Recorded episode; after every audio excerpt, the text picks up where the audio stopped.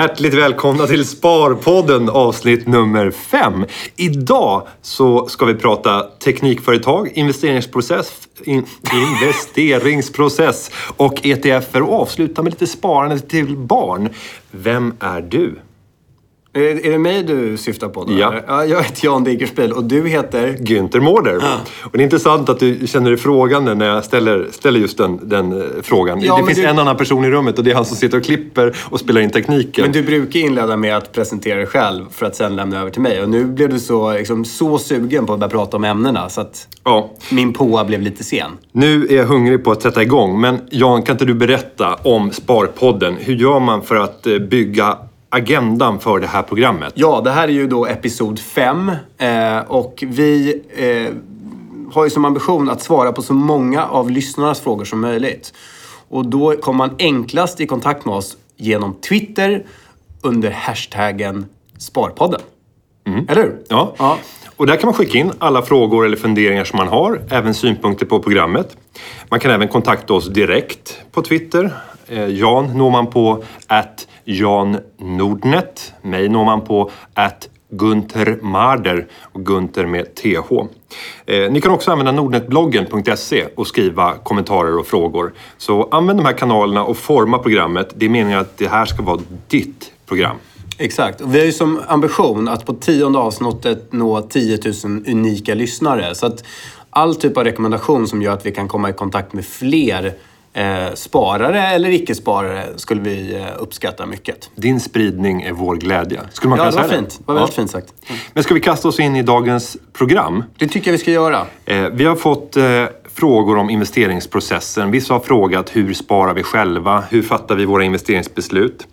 Och eh, en av de som har, har ställt den här frågan det är Jonathan som har frågat på spa, eller nordnetbloggen.se. Och ska vi börja med att titta lite grann på investeringsprocessen? För du och jag skiljer oss lite åt där, vet Något. jag. Mm. Absolut. Jan, hur gör du när du ska fatta investeringsbeslut och vi pratar värdepapper? Ja, det är ju lite... För det första skulle jag säga att det är lite beroende på i vilken utsträckning jag har tid att lägga energi på att utvärdera olika investeringsalternativ. Alltså har jag... Jag menar, nu har jag väl varit yrkesverksam i ungefär tio år. Eh, och i vissa perioder så har man, är man ju i roller där man har extremt mycket att göra och andra situationer så har man inte riktigt lika mycket att göra på jobbet. Och, och, och vad betyder Nej, det just nu? Ja, men just nu så är det en period där jag inte har särskilt mycket tid eh, liksom med familj och med... Men kan man säga sådär? Jag menar, kan du gå tillbaka och berätta någon gång under din yrkesverksamma tid där du har haft väldigt mycket tid över? Nej, men jag, kan berätta, jag, kan, jag, jag kan berätta om arbetssituationer där jag satt och scoutade åt Djurgården istället för att, lägga tid på, på att göra mitt jobb. därför att liksom, det inte fanns tillräckligt mycket arbetsuppgifter. Ja, okej, fair. Mm. Men utan att nämna den arbetsgivaren då. Men det var ett scenario i mitt liv där, där jag tänkte så här, nu ska jag kolla på U-klubb. Eh, alltså, jag satt och kollade på 15-åriga brassar som jag sen skickade över till Djurgårdens sportdirektör. Stort. Ja, ja. det blev inte så mycket av det. Nej, jag har inte ägnat mig så mycket åt det. Utan för mig så har det alltid varit ont om tid. Men å andra sidan så har jag alltid jobbat med det här. Jag har Mm. bara hållit på med aktier, aktiemarknaden, investeringar. Så det är en naturlig del. Du kan ju aldrig ta mig när jag sitter och gör mina privata analyser. För du tror att jag sitter och jobbar. Exakt. Ja. Så du kan ju sitta egentligen på arbetstid och bara managera din portfölj. Typ hela tiden. Typ hela tiden. Ja. Men åter då till, till hur jag... För, det, för vad det handlar om, det handlar inte om att huruvida jag jobbar mycket eller så. Men det handlar lite om, ska det vara en extremt gedigen investeringsprocess eller, eller är det en, en väldigt eh, eh, snabb investeringsprocess? Och, och ta, ta ett exempel då på de senaste. Jag köpte ju eh, det här eh, medtechbolaget eh, Orexo för inte så, så länge sedan. Som ju har varit en fantastisk resa. Och det vittnar lite om en, en annorlunda investeringsprocess. Då sitter jag, jag, jag är eh, med på ett advisory board i en organisation som heter Trygga Barnen. Trygga Barnen hjälper eh, barn som växer upp i missbrukarmiljöer att, att få en, eh, vad ska man säga, en fristad. En, en, en gemenskap där de kan komma ifrån de problem de har i, i, i sitt vanliga liv. Och när du sitter där så börjar du tänka investeringar istället Då för... slutar jag bry mig om barnen och bara tänker investeringar. Nej, så är Nej. det inte. Utan där sitter en, en väldigt duktig kvinna i det här advisory boardet också som heter Anna Levander. Och hon jobbar eh, som säljdirektör för ett internationellt läkemedelsbolag. Då börjar hon prata om ett, ett läkemedel eller ett läkemedel som håller på att utvecklas som hjälper missbrukare att inte få det här suget. Alltså minska det här opiatsuget antar jag att det är. Och hon nämnde bolagets namn och då säger hon att det är Orexo. Och genast jag då som kommer från, från en investerarbank, jag kopplar an att det här är börsnoterat och att jag blir nyfiken på, okej, okay, här sitter en person som jag respekterar, som är senior och pratar om ett läkemedel under utveckling i ett medtechbolag. Så är det starkt köp redan där eller? Nej, det är inte Nej. starkt köp redan där. Utan då måste jag göra min hemläxa. Mm, bra. Eh, och då så gick jag hem och började googla det här bolaget och konstaterade då att precis i den, den fas som de var i just då så hade de fått godkännande i EU för sitt läkemedel. Och de var på väg att få godkännande från FDA som ja, den här organisationen heter. Federal Drug Administration, mm. ja, eller någonting mm. sånt. De som godkänner läkemedel i USA. Och man kan ju märka i en typ av retorik hos de här medtechbolagen hur de känner väldigt tillförsikt. Eh, att... Men gör inte alla det alltid, eller? Jo, men jag tycker ändå att du märker någon... Jo, men så är det väl lite. Mm. Att alla säger att det är fantastiska, eh, fantastisk potential och mm. sannolikheten att allting kommer bli bra, den är, den är väldigt hög. Men jag tycker ändå att man kan, man kan utifrån en retorik tolka huruvida det finns någon typ av seriositet i bolaget eller inte. Men det där är ju byggt på, på mm. många års erfarenhet mm. av att läsa den här typen av information. Och det, och det har du? Ja, men det får man ändå säga att jag har. Ja, för, jag, jag började ju liksom köpa Medivir när jag var 15. Och ja, ja, men jag har ju varit inne i, i uh, oxy, Oxygen och, och uh, motsvarande bolag och det har ju inte flugit. De var jätteduktiga på att kommunicera. Mm. Eh, men, men, alltså, men du kanske var dukt, dålig på att tolka det de kommunicerade? Det kan ha varit så. Nej, men, men, ja. nej, men det är klart att man kan hamna snett många gånger. Alltså, det, är inte en, det här är ju det här bara beskriver en investeringsprocess. Det hade lika gärna kunnat vara så att den hade kunnat gå åt helvete. För mm. det har det gjort lika många gånger som det har gått bra. Det ska man, det ska man vara högt medveten om. Men, men eh, jag märker ändå att okay, sannolikheten att det här ska bli godkänt, den är hög. Och sen finns det en världsmarknad. De, till skillnad från många andra medtechbolag, har valt en strategi att de tror så mycket på sitt läkemedel så att de redan har börjat etablera egen distribution där borta. Det är också en indikation på att de tror på sin produkt. Att de inte bara vill sälja rättigheterna, som många bolag gör, till ett läkemedelsbolag. Få lite royalties och sen gå vidare och forska fram ytterligare något läkemedel. Utan de har ju då som ambition att gå från superhögriskbolag till ett bolag som har ett läkemedel som har blivit godkänt där de tjänar återkommande intäkter och, och har bra kassaflöden. Eh, och sen så, ja mycket väl, så några veckor senare så fick de ett godkännande och då stack kursen 50% på det beskedet. Eh, och, och då hade du redan köpt innan? Då hade jag redan köpt. Ja, och det var precis där innan som du sprang runt på kontoret eh, nästan som en indian ja, och, skrek, och basunerade ut köp ditt, ditt, ditt, ditt budskap. Nej, men det gör jag inte. Jag pratar väldigt sällan. Jag, jag kan prata om eh, value-bolag med vänner och bekanta. Det vill säga bolag där jag känner att det är ganska begränsat. Alltså risken är inte lika hög.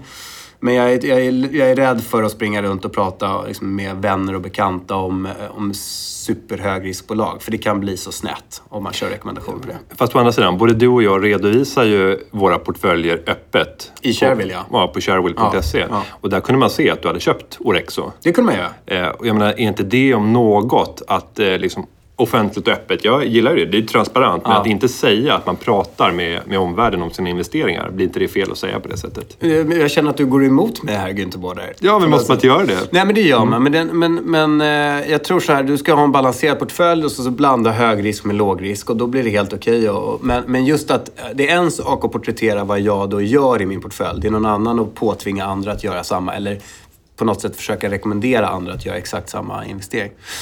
Jag, jag försöker slutföra just Orexo. Men, men då så... Och sen så är den... Ja, den gick upp jättemycket då och sen har den fortsatt upp. Just för att det finns en, en, en marknad där ute i USA där man tror att intäkterna ska börja komma under året. Nu har den ju gått från värdering på en miljard till fyra eller något sånt där. Mm. Så nu är det helt plötsligt väldigt utmanat.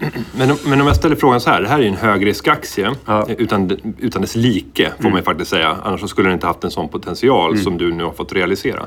Men hur stor del av dina så att säga, naturliga investeringstillgångar mm. skulle du stå beredd att investera eller har investerat i ett sånt här typ av bolag? Och då får vi väl exkludera typ innehav i Nordnet och mm. liknande som du inte kommer röra. Mm. Men om vi tittar på det tillgängliga kapital som du jobbar med aktivt för att placera. Hur stor procentuell del av det kan du stå beredd att köpa ett sånt här högriskbolag för? Ja, men säg mellan 5 och 15 procent då. Mm. Någonting sånt. 15 är ganska högt ändå. Ja, absolut. Men jag gillar att vara hyfsat koncentrerad. Det är inte, jag vill inte sitta på tre innehav, men jag vill inte heller sitta på 20. Det är, liksom, det är någonting eh, i min portföljtänk som gör att det blir för det första ganska jobbigt att bevaka 20 bolag och för det andra så blir det ju så att varje bolag får väldigt liten påverkan på portföljens utveckling. Som man brukar säga, all diversifiering är ett hot mot avkastningen. Ja, jag vet inte om jag ska dra det så långt, men då kan man ju köpa en indexfond istället och komplettera upp det. Då får du spridning och sen så kan man köra enskilda aktier i övrigt. Men, men det här är ju en indikation. Men det, det är verkligen så här, en liten, liten tillfällighet väcker nyfikenhet. Nyfikenhet omvandlas till någon typ av analys. Jag vågar, eh, vågar agera på den, på den analysen som jag gör.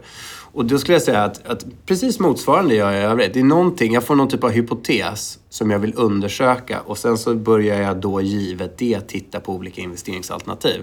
Och jag tittar på balansräkning, jag tittar på resultaträkning, jag tittar på omsättningstillväxt, jag tittar på utdelning, jag tittar på, och jag framför allt här, mycket mer idag än vad jag gjorde för tio år sedan, tittar på balansräkning för att jag vill känna att det finns någon typ av soliditet i, i, i verksamheten.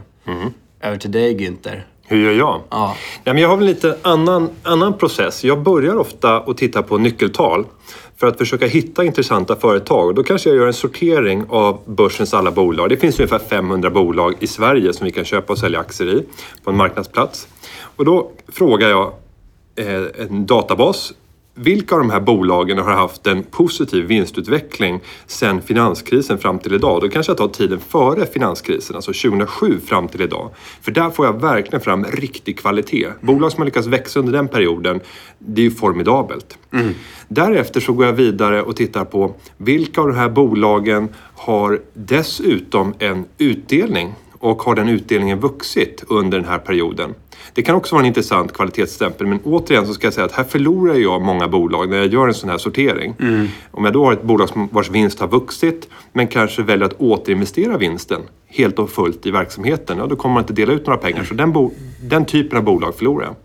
Sen så brukar jag titta på värdering och säger att jag vill inte betala mer än kanske 15-20 gånger årsvinsten för ett bolag. För börjar vi betala över 20 gånger årsvinsten för ett bolag så är det ofta väldigt högt uppskruvade förväntningar. Förväntningar som är ganska lätta att faktiskt eh, missa. Eh, Så att jag missar ju många av de här absoluta finaste tillväxtcasen som alltid handlas till över 20 gånger årsvinsten. Om Ja. vi tar bland storbolagen så har vi Hennes Mauritz, vi har Elekta, vi har eh, Getinge många gånger, Axis. Mång- Exkluderar du alltid dem då? Nej, det gör jag inte alltid. Men jag, jag, det är väldigt sällan som jag går in och köper ett bolag som har ett P tal 25 eller 30. Men Alltså, lever du som du lär också? För det här är ju en rationell investeringsteori. Men, Ja. men du, köper ju, du slänger ju på en millicom helt plötsligt. De har Ja. väl P som är jättehögt. Nej, det är inte jättehögt. Och sen beror det på vilket P man tittar på. Nu hade de ett vinstdropp senast här i, i eh, det senaste året. Däremot så ser man nu, även om vinsterna sjunker något för, för eh, det kvartalet som man nyss släppte här tidigare i veckan, så är det ju väldigt positiv information när det gäller tillväxten. Så aktien drar ju iväg kraftigt, eller drog iväg kraftigt här på rapportdagen. Eh, Så att nej, jag tycker inte, och de handlas inte till några 25-30 gånger årsvinsten om du börjar titta på framåtblickande vinster. Sen ska man inte gå för långt fram i tiden, utan högst ett år. Jag gillar inte att titta två år fram i tiden och titta på vinstförväntningar. Okej, så nyckeltalen och sen så vissa limiterande Ja, åtgärder. så då börjar jag begränsa så att jag försöker komma ner till ett antal bolag som är kanske 40-50 bolag istället för 500. Hur ofta gör du det här? Det här gör jag säkert... Dagligen? Ja, ja, men faktiskt. Och sen skruva på de här parametrarna. Ibland kanske jag skruvar upp tillväxten till 10% vinsttillväxt i genomsnitt per år. Jag kanske skruvar ner direktavkastningen till min, mer än 1 och jag kanske skruvar upp värderingen till eh, lägre än 25 eller lägre än 20 så får jag lite mer tillväxtorienterade. Så att jag håller på hela tiden och söker. Och bara Sverige? Ja, inte bara Sverige, men, men eftersom jag känner de svenska bolagen bäst och många gånger så kommer jag åt internationell exponering genom de svenska bolagen så tycker jag inte att jag nödvändigtvis behöver söka mig utanför landets gränser. Och sen så hatar jag valutaeffekterna. Eh, jag menar, valutaeffekterna är ett problem bara för bolagen i sig själva. Eh, Och det där har jag ingen aning om. Jag kan inte ta bets när det gäller valuta. Det är mycket, mycket svårare. Väldigt ödmjukt. Ja, mycket svårare än, än aktier. Jag har hållit på med aktier hela mitt liv. Mm. Hade jag hållit på med valuta hela mitt liv så kanske det hade varit annorlunda. Mm. Då kanske jag inte hade velat ta risk. Men utifrån det så försöker jag hitta då Så vad du är intressanta inne på, bolag. det, men det är, för många lyssnare så är det en självklarhet. Men, men om man köper, eh, om man köper Apple-aktien och den går upp 20% och dollarn Mm. går ner 20%. Så om du inte har valutakonto så kommer det ju vara noll i investering. Ja. Så du har hela tiden en valutadimension att, att förhålla dig till. Ja, och den där kan fullständigt spela oss eh, ett spratt eh, och förstöra vilken investering som helst. Och tar du nu Japan som har varit den mest eh, fantastiska marknaden sedan november förra året så har vi en uppgång som är, är otrolig. Bara i år så är det 40 procent. Men På börsen? Ja, på börsen. Men tittar vi sen på yenen så är den nästan försvagats med, nu har jag inte de exakta siffrorna, men jag tror att det är ungefär 20 procent eh, hittills i år. Så att nästan halva uppgången har ätits upp av att valutan har gått ner. Så att när jag försöker undvika det Därefter så börjar jag gå in och göra prognoser. Jag tittar på försäljningstillväxt. Hur snabbt kan det här bolaget växa? Jag litar väldigt mycket på historien. Ett bolag som har bevisat att man kan växa med 5-10 procent. Där bedömer jag sannolikheten som hög att de även kommer lyckas med det framöver. Du vet att historik inte är en garanti för framtida god avkastning. Nej, men det är ändå ett bolag. Jag menar, det här är människor som ligger bakom bolagen. Och har de lyckats bevisa att de kan liksom managera en marknad som kanske i sig själv växer med, med 5% per år och de blir allt större aktör på den här marknaden och tar marknadsandelar på grund av att de har fantastiska produkter. Ja, då är sannolikheten väldigt stor att man kommer ligga någonstans mellan 5 och 10% i försäljningstillväxt. Men blir du, börjar du redan här göra någon typ av bolagsanalys i, i, omedveten? Att du säger att okej, men det här är en... Det är inte så mycket tillväxt i den här branschen. Ändå lyckas bolaget växa trots att branschen inte har visat, uppvisat tillväxt. Då måste de vara bättre än genomsnittet. Börjar du göra den typen av analyser? Ja, jo, men det gör, det gör jag på direkten och tittar på var ska tillväxten komma ifrån? Kommer den automatiskt ifrån marknaden av sig självt? Eh, du kan ju till och med hitta bolag som är verksamma på jättespännande marknader eh, som kanske växer 7% per år. Men bolaget tappar marknadsandelar eh, och, och växer därmed inte med 7% per år. Men däremot så växer man på rätt typer av kunder och lyckas sälja dyra produkter och få därmed höga marginaler. Man får rätt typer av kunder. Det kan vara ett intressant case. Men det jag gör efter att ha tittat på försäljningsprognosen och byggt en, e- ett eget estimat för hur mycket försäljningen kommer växa, så tittar jag på lönsamheten. Vad är lönsamheten inom den här branschen? Varför ligger mitt bolag som jag tittar på över eller under snittet för branschen? Vilka möjligheter finns för bolaget att faktiskt komma upp i lönsamhet? Vilka hot finns som gör att man kommer att trycka ner, få sina, få sina marginaler nedtryckta? Och så försöker jag göra ett estimat kring hur hög lönsamhet bolaget kommer ha. Och med de två parametrarna, alltså hur snabbt bolagets försäljning växer och vilken lönsamhet de kommer ha i genomsnitt de kommande fem åren. Ja, då kan jag ju räkna ut vilken vinst per aktie som de kommer få för varje enskilt år de kommande fem åren. Och då behöver jag egentligen bara applicera på en värdering av den vinsten. Om jag har då en vinst per aktie som är, är 10 kronor om fem år. Och så tittar jag på vad brukar marknaden värdera det här bolaget till? Jo, normalt sett 15 gånger årsvinsten. Ja, tar jag då 15 gånger 10 så är jag uppe på 150. Då har jag en målkurs på det här bolaget. 150 kronor. Och på så sätt så kan man jobba sig igenom. Säljer du alltid på målkurs? Alltså, alltså under de här fem åren så förändras ju förutsättningarna hela tiden. Nej, ofta så har jag en horisont som ska vara femårig. Och, eh, den håller du ja, aldrig. Nej, men slå mig. Slå mig. Nej, men, du, du har ju sett hur jag agerar. För jag är öppen. Jag redovisar min portfölj på sharewill.se. Och där kan ju många se att jag har ju realiserat affärer långt tidigare än de två, tre år som jag ofta pratar om på Sharewill. Ja. Och det hänger ju samman med att jag får rätt snabbare än jag trodde. Eh, och Det låter ju ödmjukt. Nej, men, och, och, Eller du fick fel kan du säga. Ja, jag kan också få fel och då vill jag klippa det snabbare för att du är mycket nyktrare när du befinner dig utanför marknaden och tittar på ett objekt än om du sitter och äger aktien. När man äger en aktie har man bara tre olika möjliga beslut. Då är du Antingen, inte förälskad. ja, men antingen så säljer du innehavet eller så ligger du oförändrat eller så köper du mer. Ja. Det är väl de tre alternativen man har. Men när du befinner dig utanför marknaden då har du tusentals alternativ att förhålla dig till. Och du har ingen kärlek till bolaget som du precis har sålt. Utan du kommer nyktert utvärdera det utifrån andra investeringsalternativ. Så det bästa tipset som jag har att ge lyssnarna det är ju att om du tvekar, alltså idag så är det så pass billigt att gå ut ur marknaden och skaffa sig en nykter syn och omvärdera sitt investeringsbeslut. Har det hänt någonting? Har det förändrats någonting? Eh, och du kanske beslutar för att gå in i aktien igen. Och det kanske är värt den kostnaden som det blir med, med den ökade transaktionskostnaden. Men åter till din urvalsprocess då. För då, då tittar du på alla de här nyckeltalen och sen så sätter du någon typ av eh, ramverk för vilka du vill titta på och sen går du in lite djupare och tittar på respektive bolag. Men, men Warren Buffett säger att man ska bara investera i sånt som förstår. Och därför köper han Ja, men han, han, han, gör ju, han, han gör det också. Han köper ketchup och han köper diamantbolag och han köper privatplans... Coca-Cola. Eh, Coca-Cola. Bank har han köpt också. Och, och Ibland när jag tänker som du och så tittar jag på de här nyckeltalen, men då hamnar jag in på så här bolag som men, Nederman eller Beijer Alma eller eh, ja, vad finns det? Indutrade eller, och så vidare. Och så vidare. Och så börjar man kolla på vad de håller på med och så läser man verksamhetsberättelsen. Så bara, jag har ingen aning om hur bra de är. Jag kan inte relatera någonting till varumärket. Jag kan inte, jag kan inte förstå hur kunderna resonerar. Jag kan, inte, jag kan inte förstå någonting. Men där ger du det ändå in. Ja, det gör jag inte. För det jag vill göra, det är att skapa en förståelse också. Och den, nu ska jag vara ödmjuk också, men, det kanske är så att jag förstår mer än du när jag läser årsredovisning. Eh, Nej, men jag tycker att det oftast är ganska lätt. Alltså de här bolagen som jag hittar, många gånger så är det ju mindre bolag. Alltså bolag med ett börsvärde någonstans mellan en halv miljard och fem miljarder. Vad var det senaste aktien du köpte? Den absolut senaste var Cision.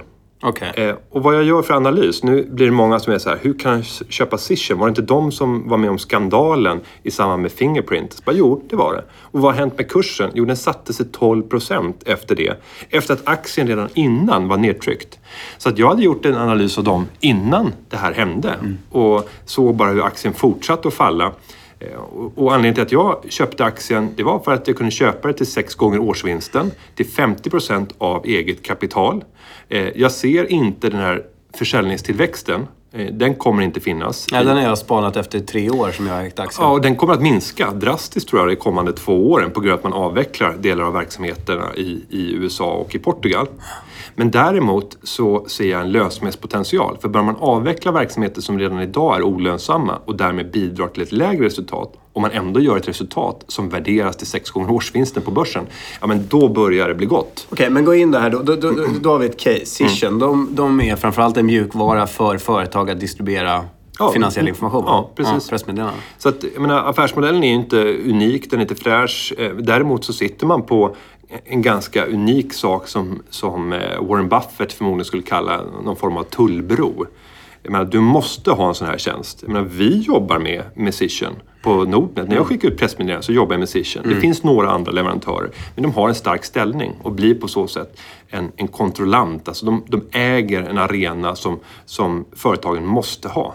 Företagen måste köpa en sån här typ av tjänst. Ja, men så skulle du kunna argumentera, men du skulle också kunna argumentera att, att eh, redan idag har du nyhetsbevakning på Google. Du kan ju googla Nordnets varumärke på, under nyheter så får du upp det senaste som har skrivits om Nordnet. Ja, men försök gratis. sprida nyheterna på det sättet. Jag menar, du kommer inte få acceptansen. Jag- Jag tror det dröjer ganska länge innan börsen skriver in Google som godkänd leverantör av finansiell information. Har börsen tydligt definierat vilka som är godkända leverantörer? Ja, det skulle jag säga. För att, Det skulle du jo, säga. Ja, men jag, kan, jag kan inte säga exakt vilka det är, men självklart så har de definierat vilka kanaler är att betrakta som att marknaden har fått information. Ja.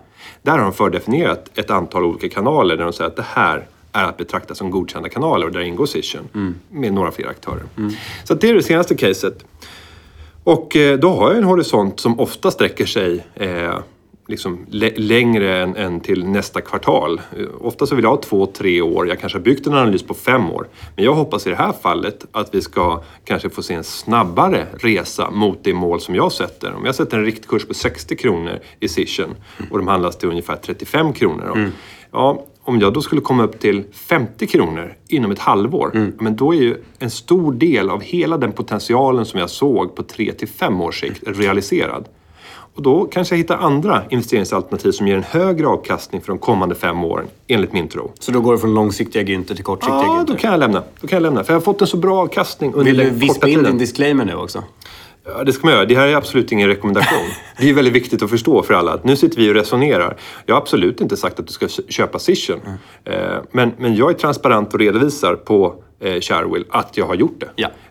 Men där är inga rekommendationer utan vi är öppna och transparenta. Och det borde fler vara där ute. Folk som ger råd tycker jag har en skyldighet att också redovisa hur agerar du själv. Och man kan inte gömma sig bakom att "Nej, men jag jobbar i finansbranschen och det är så komplicerade regelverk så att eh, jag kan inte investera på det sättet som jag hade önskat. Åter till din investeringsprocess. Tar du någonsin rygg på andra investerare? Blir du, blir du inspirerad när du ser att en, eh, en aktivist, en investeringsaktivist, när en Gardell går in i Volvo eller, en, eller Swedbank eller en Icahn går in i Yahoo eller en Ackerman går in i, eh, eller Ackman kanske han heter, går in i JC Penney eller sådär. Kan Ja. du börja, blir du nyfiken och börjar ta rygg då? Eller? Mm, Ja, klart man kan bli lite nyfiken, men jag gör ju alltid den här fundamentala processen eh, och försöker göra den själv. Däremot, när jag befinner mig i slutskedet och sagt att ja, nu har jag hittat ett bra bolag, då har jag bestämt mig för att köpa det. Sen så vill jag titta på, är aktien rimligt värderad? Och det kanske den inte är för tillfället och då sätter jag bara upp den på en lista över bevakning och säger att hit vill jag återvända. Den dagen aktien faller tillbaka, då ska jag köpa. Eh, Sen så kan det vara så att jag går in och tittar i insiderförteckningen och ser att insiders storköper samtidigt som förvaltare som jag håller högt. Om jag ska nämna några, ta Didner och Gerge. Jag tycker de är jätteduktiga. Eh, Lannebo också har varit duktiga. Så ser jag att de håller på att bygga position, du ser att de har ökat gång efter annan. Ja, då är det någonting som inte påverkar negativt i mitt investeringsbeslut. Men Då kommer du då se innehaven i deras fonder. Så att om man går in på deras hemsida eller på nordnet.se så kan du ju då titta i respektive fond vad de har för stora innehav i fonden. Ja, och Eller Morningstar också för den delen. Och det absolut bästa, sen ska jag ge en känga till Finansinspektionen. För att på Finansinspektionen ska man kunna gå in på varje fond och se alla innehaven en gång i kvartalet. Men den funktionen är skrämmande dålig. Finansinspektionen har inte koll på sina grejer. Och det är tråkigt eftersom de är satta att bevaka den här branschen. Men när jag är inne och söker den här informationen i enskilda fonder, hur ser deras fondinnehav Borde de pricka sig själva kanske? Ja, kanske. Eller om inte vi skulle kunna få den möjligheten. Så jag tycker, gå in i deras fondsök och titta på Finns din fond med här och finns det färsk data kan du gå tillbaka historiskt och se hur innehaven har förändrats. Intressant. Lyckas du inte med det, skicka ett meddelande och hälsa också från Gü- Günther. Günther har sagt att om ni inte sköter det så får ni en prick. Vad var det? Fortsätt du. Jag hade en fråga som jag var nyfiken på. den här investeringsprocessen, eh, det kan ju gå snabbare än vad jag hade planerat.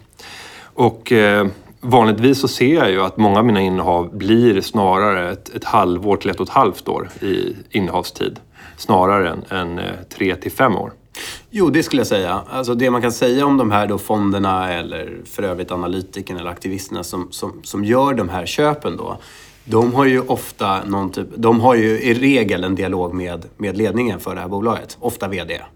Så, att, så att det du som extern investerare aldrig kan komma åt, det är ju en känsla för strategin, momentum i organisationen. Allt det som man kan få när man träffar VD. Därför att vår VD Håkan Nyberg, han, han träffar investerare regelbundet. Fonderna som då är, eh, har ett innehav i Nordnet eller som funderar på att eh, köpa in sig i Nordnet. De begär ju att få ett möte. Så kommer de hit, sitter de och diskuterar bolagets strategi och eh, ja, ja. Ja, och det där kan man också kritisera lite grann. Det kallas ju på marknaden som analytikermassage. Och det skapas ju ett liksom, informationsövertag hos de som sitter och får de här, de här mötena. Eh, Det får inte vi som vanliga privatsparare. Men därför vill jag slå ett slag också för att gå ut på olika typer av företagspresentationer. Gå på årsstämman, lyssna på VDs anförande, ställ frågor till både styrelse och VD. Sen kan du lämna efter den punkten. För sen kommer en massa formalia Fast jag har kamrater som eh, ibland mejlar CFOer i börsnoterade bolag för att ställa frågor kring, kring bolaget. Så, att, så att det finns ju även Och- den typen av access. Jo, men du säger det. Mejla frågor. Det är en jäkla skillnad att mejla en fråga Ja. än att sitta en one-to-one Då. eh, och sitta och gå igenom digert material. Men, men likväl, som, som privat sparare så kan man få access till ledningsgrupper lättare än man tror om man mejlar CFO och har en specifik fråga. Ja, pröva. Ja. Sen ska vi också säga när det gäller fördelningen av vårt, vårt eh, privata sparande. Jag, jag sparar ju väldigt mycket. Eh, och det gör att jag kan ta ganska Mm. Hur höga mycket risker. av din disponibla inkomst lägger du undan till sparande? Alltså, Ärligt nu. Ja, men det här det är nästan pinsamt. Eh, för, för att det blir för mycket. Men, men ungefär 65 procent. Eh, nästan två tredjedelar av eh, allt jag drar in lägger jag undan i sparande. Och Mm. Det är nästan Peter-nivåer. Ja, nej, men det, det, Peter bevakade vi i avsnitt två. Eller Ja, avsnitt jag tror det. Han var ju fantastisk. Han var ju egentligen bättre än vad jag Ja. är. Ja. eh, För att han hade en, en lägre inkomst Ja. och hade ändå lyckats bygga upp ett sparande. 65 procent. Ja, det är Och din fruktansvärt mycket. Eh, ja, nu... eh, Ja, du lever på din fru. Ja, nej, nej, nej, men, Du börjar ju skruva på dig. Ja, lite grann. Nej, men hon, hon är ute och jagar ett, eh, ett nytt arbete. Hon har jobbat som aktieanalytiker på, Mm. på AP2. Eh, och nu är hon på jakt efter ett nytt arbete inom analys och ägarstyrning. Så nu fick jag möjligheten att marknadsföra henne. Hon har Nu sju, mäklar du sju, sju din år sedan. Du mäklar din hustru och du lever på din hustru. Ja, nej, jag kan, jag kan verkligen inte säga att jag lever på min hustru. Utan eh, det, vi, har ju en, vi kanske kan gå in på det, liksom, lite hur vi sköter privatekonomin på ett senare avsnitt. Mm. Men vi tittar på disponibel inkomst och sen betalar vi utifrån vår, den, den förmåga som vi har utifrån våra disponibla inkomster Mm. och lägger över till ett gemensamt konto. Eh, nej, och då får jag 65 procent över till, till sparande. Och då kan jag ta mycket högre risk än de flesta andra. För att jag kan inte se att jag kommer att, att behöva det här i närtid. Mm. Utan jag kommer behöva de här pengarna för att göra investeringar och för att, att skapa en, ett friare liv. Mm. Bra. Men vi återkommer till hur vi tänker kanske mer privatekonomiskt sen. Yes.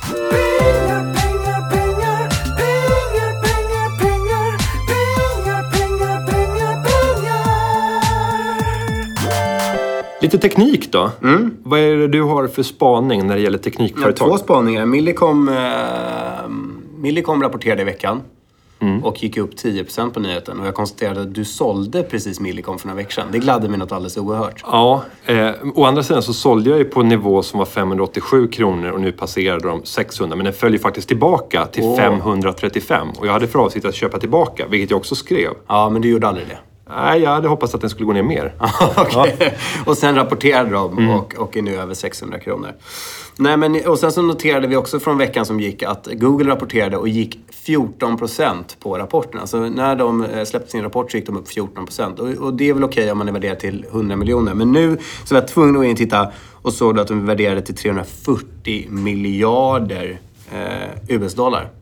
Och hjälp mig, men visst var det så? Alltså Ericsson på topp, de var också värderade till 2000 miljarder kronor ungefär. Var det Ja, inte så över- när det var som, när det pikade? Över 2000 miljarder. svenska- Över 2000 miljarder svenska. Och kronor. idag 200? 150? Eh, nej, idag 100? eh, f- f- 300, fy- 300, 350. ja, jag borde ha kunnat här. Ja, eh, du, jag älskar hur, hur du kritiserar dig själv. Nej, ja, men, men jag menar, H&M ligger kring 500 miljarder. Eh, Ericsson idag borde ligga kring 350-400 miljarder. Men det här kan ni kolla upp och se hur klantig jag är. Men då började jag gå in och titta på andra teknikbolag och se att de till 340 miljarder dollar. Eh, Facebook står idag 54 dollar per aktie. När de börsnoterades stod de i 38. Det var många som var ute och skrek tecknat i samband med nyemissionen, eller med, i samband med börsintroduktionen. Och nu är de ju upp 38 och då ja, blir det typ 30 procent från noteringen, eller ännu mer kanske till och med. Eh, värderade till 130 miljarder dollar. Apple till 460 miljarder dollar. Amazon till 150 miljarder dollar. Microsoft till 300, Ebay till 70 och LinkedIn till 30. Det är såna enorma summor. Och eh, jag började tänka på den här IT-yran som, som vi levde i, 00. Jag vet inte om det av de som lyssnar som, som är som vi, mm, 70-talister. Eh, men vi, vi liksom, vårt, vårt börsintresse började ju pika i samband med den här IT-håsen då, 00. Det var svårt att inte bli intresserad Eller när hur? såg de rörelserna på börsen som vi hade. Och någonstans fick ju världen rätt. Därför att vad man gjorde var ju att man sa att nu så skapar internet förutsättningar för globala bolag. Det man hade fel i var ju att man började värdera upp Ja, men Icon Media Lab och Framfab är ju de vi främst kommer ihåg som värderade till, ja, pikade de på 10-15 miljarder.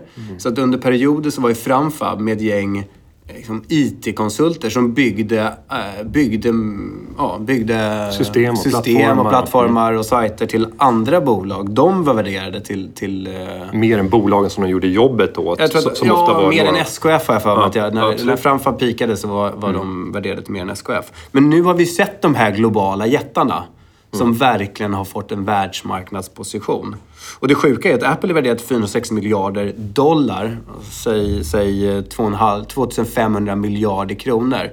Men det är bara en värdering på P drygt 10. Så de gör ju då 250 miljarder i vinst. Vilket är helt fascinerande. Vad blir dina reflektioner? Mm. Nej, men tittar man på det här så kan man ju säga att, att aktieinvesterarna, de var före sin tid när vi hade IT-bubblan.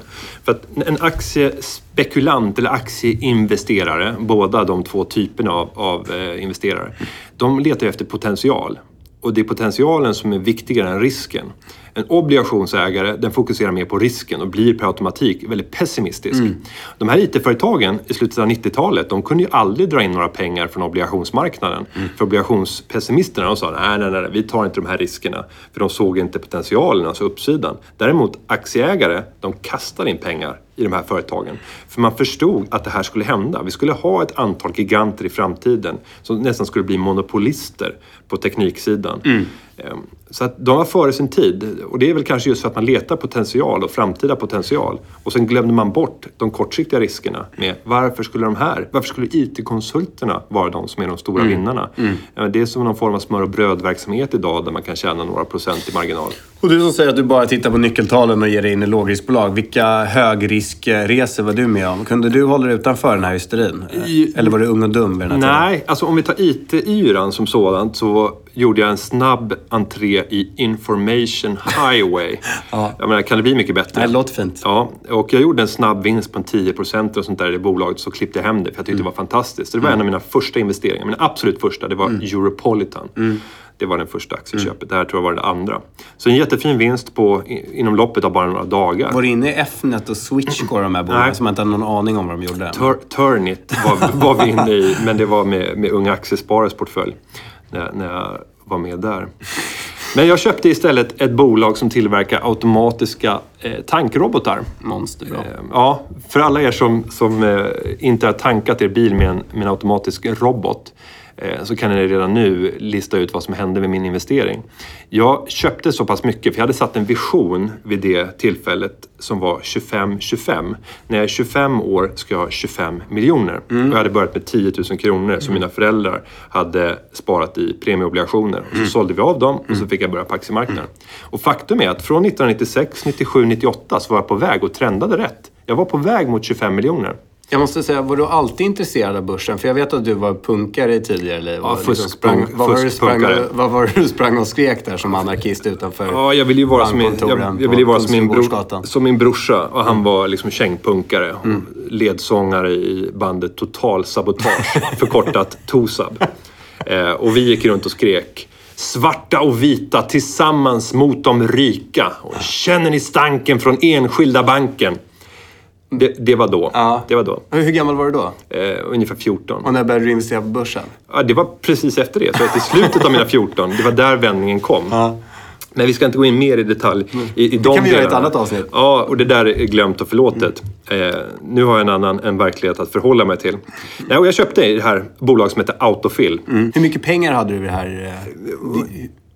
Om man tittar på med den belåningen som, som jag även hade så, Ja. så eh, var det... Du pumpade inte bara in allt i autofill, du belånade Jag det. belånar mig även. Och det måste man göra. Ska man nå 25 miljoner på Ja, ja, så visst. kort tid med 10 000 i grundsparbelopp så krävs det belåning. Men utan belåning, hur stort var ditt egna kapital? Ja, då var det ungefär 400 000 och så gerade jag upp Från det. 10 000? Ja. Inga andra insättningar? Jo, jag hade ju jobbat eh, parallellt eh, men med ganska skitiga jobb. Alltså städat på byggen och så vidare. Eh, men det växte till över en miljon. Eller växte, jag gerade upp det till över en miljon. Ja, du, du satte dig själv i skuld och köpte autofill. Ja, och eh, köpte autofill. Vad hände då? Du investerade, pumpade in en miljon i det här. Ja, och det här var 1999. Mm. Eh, och då gick börsen upp över 60 procent i året. Eh, och Det gjorde det inte här, nej, inte, inte det här året. Utan det här var året då de gick ner mot noll. Mm.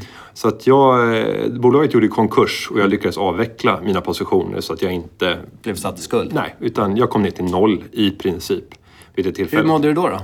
Nej, men jag hade väl lärt mig att förhålla mig till pengar som ett verktyg för att kunna nå andra medel. Jag var på jakt efter friheten. Och visst, min frihet hade inskränkts efter en sån dundertabbe. Men det var då jag satte min nya investeringsstrategi. Med en bättre riskspridning, en längre tidshorisont, köpa bolag jag förstår, som har en utdelning, som växer vinstmässigt. Och sen dess har jag undvikit alla den här typen av investeringar. Och det har varit den bästa läxan jag kunde få. Eh, Att få lära sig det redan 1999 var eh, den, den bästa utbildningen jag kunde få som investerare. Så att gå ut och, och pröva och göra gigantiska förluster eh, när ni är unga. Okej, följ med mig i det här för att återigen docka an till det vi inledde med, den här investeringsprocessen. Jag blir lite nyfiken när jag ser att LinkedIn, när jag skrivit ner här på mitt papper, att de värderade 30 miljarder US-dollar. Det är 210 miljarder kronor. Och så tänker jag så här direkt, det poppar upp mitt huvud. P 10, det är ju en, det är en ganska låg värdering. Eller en, en, en normal värdering, 10-15. Då skulle de göra en vinst på ungefär 20 miljarder kronor. Det är inte, det gör de det är inte inte alls. inte, nej, det gör de inte Nej. Mm. alls. Men det är ju det är fortfarande en startup. Jag tror att de har 500 miljoner användare på plattformen. Mm. De börjar etablera lokala säljorganisationer. Och idag är de ju inte, det är ju inte liksom, en, en sajt för att skryta med sitt CV. Det är ju framtidens rekryteringsverktyg. Alltså att, att, att tro att det här bolaget som har 500 miljarder, 500 miljarder, 500 miljoner användare, att inte tro att de ska kunna kapitalisera på det i högre utsträckning än, än, än 20 miljarder om några år. Det tror jag är... Så ja, nu väcktes i alla fall min nyfikenhet. Jag vill in och förstå det ytterligare. För därför att jag, jag kan liksom, ja, med Facebook, där blir jag direkt rädd för att ja, men det kan komma upp ny, nya sociala fenomen. Det kom upp ett nytt socialt fenomen. Typ Instagram kom upp. Och då var man ju snabb att identifiera att oj, nu börjar trafiken som tidigare gått in på Facebook för att titta på mina vänners bilder som de postar, de är nu på Instagram istället. Och bara genom att identifiera att vi tappar trafik från Facebook till Instagram så direkt hoppade man på och köpte Instagram för 12 miljarder kronor eller något sånt där. 10 entreprenörer som har byggt upp det under några år som sen sålde det till, till Facebook för 12 miljarder. Så där känns det som att det är ganska låga inträdesbarriärer i att hitta nästa sociala fenomen. Men, men det men, känns i rekryteringsvärlden, ja, men, eller en LinkedIn, nästa LinkedIn. Det känns som att det är högre inträdesbarriär. Ja, Men det känns som att det kittlar lite grann. Hos dig också? Nej, nej, nej, nej, inte alls hos Nej, mig. nej. För att jag menar, åter till min investeringsprocess. Jag, menar, jag, jag vill se att bolagets vinst utvecklas i en positiv riktning, att de har en stabil utdelning, att aktien värderas till, till hyfsat okej nivåer. Mm. Och, det gör inte de här bolagen. Och visst, jag kommer gå miste om den potentialen, men ja, då får det vara det. För att jag slipper också att gå på de här minorna. För det kan hända någonting dramatiskt snabbt som förändrar spelplanen. Verkligen. Eh, Det vet vi. Vi kan bara gå tillbaka till liksom svenska sociala medier och se hur Lunarstorm fullständigt blev överkört av Playahead. Men det är väl en learning i Och sig? därefter att Facebook. lokala fenomen har inte en plats i den här världen. Skulle det komma Nej. ett svenskt social... Alltså det skulle aldrig komma. För de har inte samma investeringskapacitet, de har inte förmågan att kunna... Lokalt, alltså, om vi tittar på marknaden i Kina och Indien. Ja, där tror jag. jo. För där har du ju redan annorlunda. Absolut. absolut. Mm. Men, men ett svenskt... Jag skulle inte investera i en svensk, ett svenskt startup som sa att de skulle satsa på att bli nästa svenska Facebook. Nej, men där har du ju Spotify å andra Ja, sidan. men de har ju en global ambition. ja, ja. Nej, ja, precis. Nej, men det kan komma ut globala eh, fantastiska Sverige. Mm, bolag från Sverige, men inte bra. lokala fenomen tror jag. Men det om teknik. Yes. Vi har fått in ytterligare frågor. Det har vi. Ska vi börja avrunda, eller? Ja, vi tar, vi tar två, två frågor och försöker avhandla dem Ja. relativt snabbt. Mette har kontaktat oss. Ja. Och eh, hon har ställt en fråga som många andra också har gjort. Och det handlar om barnspar. Hur man ska förhålla sig till barnspar. Tids, eh, investering på en tidshorisont cirka 20 år. Vad ska man göra? Jag vänder mig till sparekonomen. Nej, och jag har också sett flera kommentarer om det här. Eh, hur etiskt är det att ta höga risker med barns pengar? Och jag skulle vända på det och säga, jag menar, att inte ta risk med barnens pengar, det är den högsta risken. För risk är någonting positivt. Det leder till högre förväntad avkastning. Sen gör, gäller det att göra det under kontrollerade former. Och vad betyder det då om man ska översätta det i barnspar? Jo, att ha en rätt- rätt hög eller en väldigt hög andel aktier. Spara regelbundet, kanske i ett eh, antal investmentbolag eller i en färdigpaketerad fond med låg avgift, kanske en indexfond. Eh, Men att alltid försöka ha 100% exponering mot aktiemarknaden och regelbundet göra avsättningar. En gång i månaden eller en gång i kvartalet för att på så sätt sprida ut sin risk i tid också. Eh, Så att jag tycker, skruva upp risken. Våga ha ett, ett konto där du kör mycket aktiesparande för det kommer ditt barn att tacka dig för i Men med aktiespararna menar du också indirekt exponering mot aktier genom indexfonder just? Ja, och försök välja enkla produkter. Försök att undvika alla produkter som har höga avgifter. Mm. Och vad är då en hög avgift om du ska ha en ren aktieexponering? Men allt över en halv procent per år i avgift är högt. Mm. Eh, om man letar efter, efter aktieexponering. Så om du inte kan mycket om sparande och aktier och du inte orkar göra eller sätta dig in i det så, så köp hellre fonder med bred exponering mot index. Ja. Och inte bara Sverige. Utan Och kanske till och med en indexfond. Ja. Det är ett väldigt bra alternativ. Det finns ju världsindexfonder. Ja, absolut. Och då är det ännu lägre risk eftersom du sprider ut det på alla världens aktiemarknader. Och sprider du ut risken, minskar den, ja då sjunker din förväntade avkastning. Men jag tycker kanske inte att man ska ha en 100% aktiekoncentration i Finns Sverige. det någonting man kan göra för att slippa? Och ska man spara kontinuerligt för att slippa? Nu är ju ehm, USA-börsen på all time high. Det är lite tråkigt kan man ju tycka att gå in i ett sånt läge. Det här läget när, när världen kraschade 08.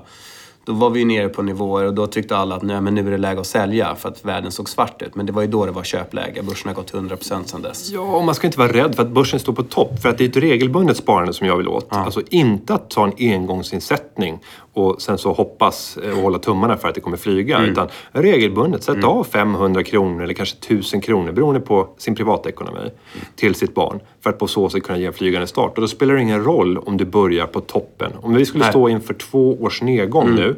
Eh, jag säger inte att det är så, men om vi skulle göra det så spelar det ingen roll om de här första 24 insättningarna har skett i ganska Men höga värden. fortsätt då, då kan man säga, fortsätt då ha disciplin i att investera regelbundet även när det går ner. När Yes. folk säger så här, nej men rör inte börsen för nu är det, fortsätt då för guds skull. För att Ja, när det är som då- allra mörkast. Om du har sett att börsen har gått ner med 40-45 procent inom loppet av ett och ett halvt, två år. Ja, då tycker jag snarast att du ska titta på vad kan jag göra i min privatekonomi för att få loss ännu mer pengar till sparande. Och när alla andra skriker sälj aktier, det är då du ska våga. Det är då du ska gå in på marknaden och höja din andel genom att du sparar mer i din privatekonomi. För du kommer belöna sig fruktansvärt bra på lång sikt. Kanske inte på ett år, men tittar vi på 5-10 år. Och när alla säger att nej, men nu ska man alla in på börsen och det börjar snackas aktier i taxin. Ja, men Mm. då kan man titta på värderingarna. På. Ja, men återigen, regelbundet, då ska vi inte bry oss om det heller. Vi bara fortsätter.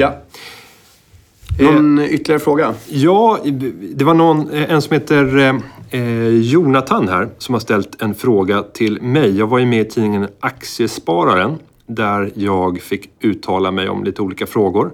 Eh, och där frågade de också om, eh, eh, eller jag ställde en kommentar om en gratisfond som eh, Nordnet erbjuder. Och han har frågat vilken eh, eller det är inte Jonathan som har frågat det, förlåt. Det är Investitor, eller in, inve- Investitor, säger man. Vad tror du att man säger? Tror man- Investitor. Investitor. Har han, det, Investitor. har han det som alias på Twitter eller? Nej, jag vet At inte. Investitor. Nej, han har använt eh, bloggfunktionen, eller Ja, okej. kommentarsfunktionen på. Nordnet-bloggen. Ja. Och han undrar, vad är det för Europafond som, som eh, Nordnet har utan avgifter? Och det där vet du bättre.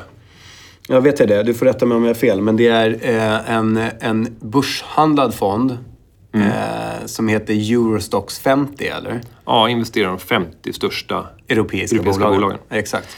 Ja. Och den är avgiftsfri. Och då blir jag direkt skeptisk. Jag frågar dig, hur tjänar de pengar? Varför har de satt en, en avgiftsfri fond? Är det för att etablera sitt varumärke? Ja, de som tillhandahåller den här produkten det är DBX Trackers Ja, som har Deutsche, Bank. Bank. i ryggen. Liksom, Största aktören tror jag på europeiska aktier. Och eh, då har de den här börshandlade fonden. Eh, och eh, de är extremt stora på just europeiska storbolag. Så för dem så är den här förvaltningskostnaden otroligt låg. Och så dessutom så kan ju de faktiskt låna ut de aktier som finns i indexfonden på marknaden och på så sätt få intäkter. Ja, men jag undrar om inte eh, fondregelverket säger att de där intäkterna som kommer av utlåning av innehav i fonder måste gå tillbaka till andelsägarna. Ja, men där tror jag att jag har fel när det gäller just ETF. För de tar en del av den intjäningen på den utlåning som, som de har. Och de kan ju bygga upp det här i sin balansräkning. Det är förmodligen mer komplicerat än, än hur jag förklarar det. Men de får en intjäning eftersom de vet att de har mycket kapital i ryggen från de som sitter på. Och sen om inte annat så får de ju majestätiska innehav i de 50 största europeiska bolagen. Så de får, ju, eh, de får ju likviditet i de här aktierna också. Så de kan handla mot andra kunder i de här aktierna. Ja, och sen när man säger att, att det är avgiftsfritt så är det ju en sanning med modifikation. Köper man det som vanlig sparare så är det ju ett courtage Ja. när du köper och säljer. Dessutom så har du en spread att förhålla dig till. Skillnaden mellan köp och sälj. Ja. Och den skillnaden ska vara lika stor som det är på den underliggande marknaden. Alltså för de 50 största bolagen. Det är försvinnande liten spread men den finns ändå där. Ja. Eh, Men det finns inga avgifter i själva fonden. Nej, den är helt avgiftsfri. Och du kan investera 100 miljoner om du skulle vilja det Mm. eh, på kort sikt. Eh, man måste bara förbereda Deutsche Bank på det förmodligen. Fast de måste hela tiden stå Och om du då utnyttjar ut. vår funktion i börshandlade fonder, som är där du kan månadsspara i börshandlade fonder utan att betala courtage varje gång, så får du access till den här fonden i så fall. Ja, då blir den ju helt avgiftsfri. Det enda Ja. man betalar är- den här spreaden. Och den spreaden betalar man oavsett om man köper andra gratisfonder. För gratisfonder, ja de måste ju i sin tur köpa fonder eller aktier ute på marknaden. Så att där får du också Just det. den, den spreadkostnaden. Men vi ska väl inte fördjupa oss ytterligare i börshandlade fonder just idag. Vi kan göra det vid ett annat tillfälle. För det är ju ett, det är ett fenomen som får allt större eh, fäste hos, hos sparare runt om i världen. Det är det absolut. Eh, Så Investitor, du har fått svar på din fråga, även Mette och många andra. Med det så har det väl blivit dags att säga tack för den här sändningen.